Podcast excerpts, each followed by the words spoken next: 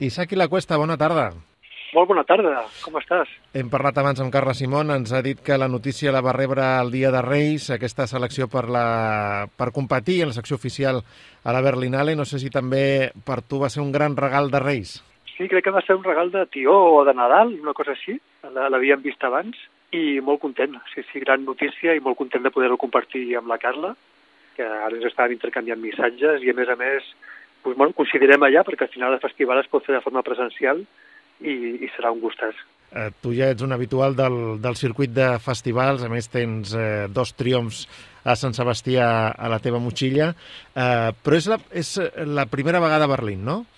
Sí, hi havia anat al, al mercat, de fet, la, a la propera, amb la propera EP havíem estat al mercat de Berlín, eh, quan la pel·lícula estava en preproducció, i és la primera vegada a competició de Berlín, sí fa, fa realment molta il·lusió. Ara, a mesura que avançava la roda de premsa i anaven anunciant les pel·lícules que hi seran, és un gustàs veure que hi ha tants de noms de cineastes que m'agraden i que segueixo com a espectador. Mm. I companys de generació, i molt xulo, molt bé.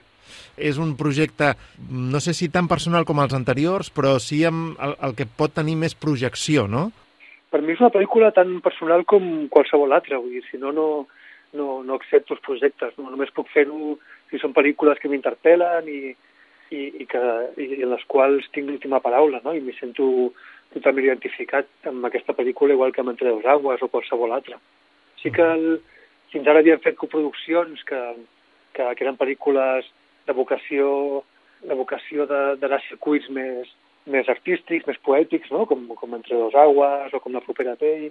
Uh, aquesta sí que és una coproducció que, com dius, té un pressupost més gros i, i té la intenció d'interpel·lar la, la poètica, les emocions de l'espectador com les anteriors, però també pel fet de que tingui el pressupost necessari com per recrear la nit dels atemptats de Bataclan, doncs implica un pressupost més gros i una vocació d'arribar a un públic més ampli, sí, sense que això sigui en detriment de, de, de les coses que buscàvem les pel·lícules anteriors.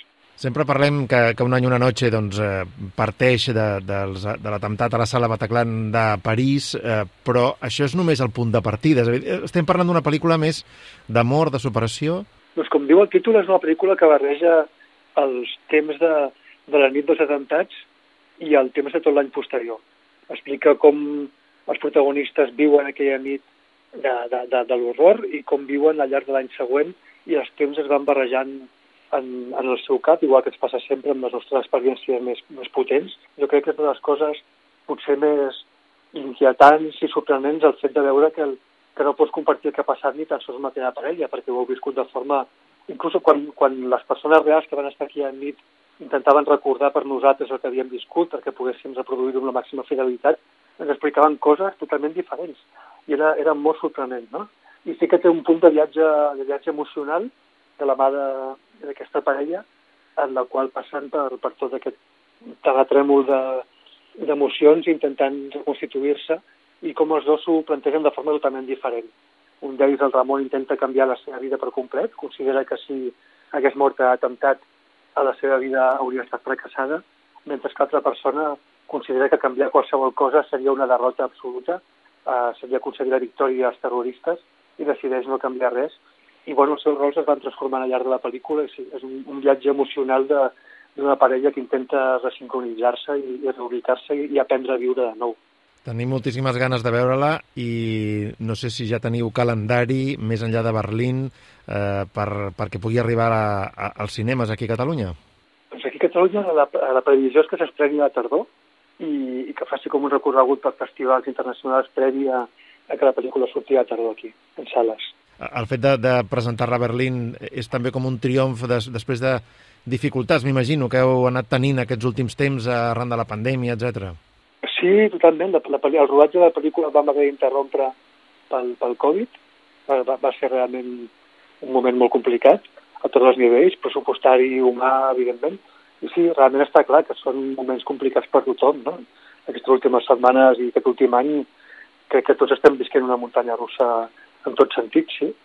I ja per acabar, mm, parlem una mica del repartiment, perquè tens una, un repartiment de luxe, podríem dir, la Noemí Merlan, que és una actriu que es disputen ara molts grans directors, el, el Nahuel Pérez Vizcayar, que és la polivalència en persona, jo crec, el Quim Gutiérrez, el, el C. Tangana també he vist a, a la llista, per tant, vaja, sí, la, molts reclams. Sí, sí, la, l'Alba Aguilera, el, sí, sí, és un repartiment, realment ha estat un gustàs poder treballar amb ells, és el repartiment somiat.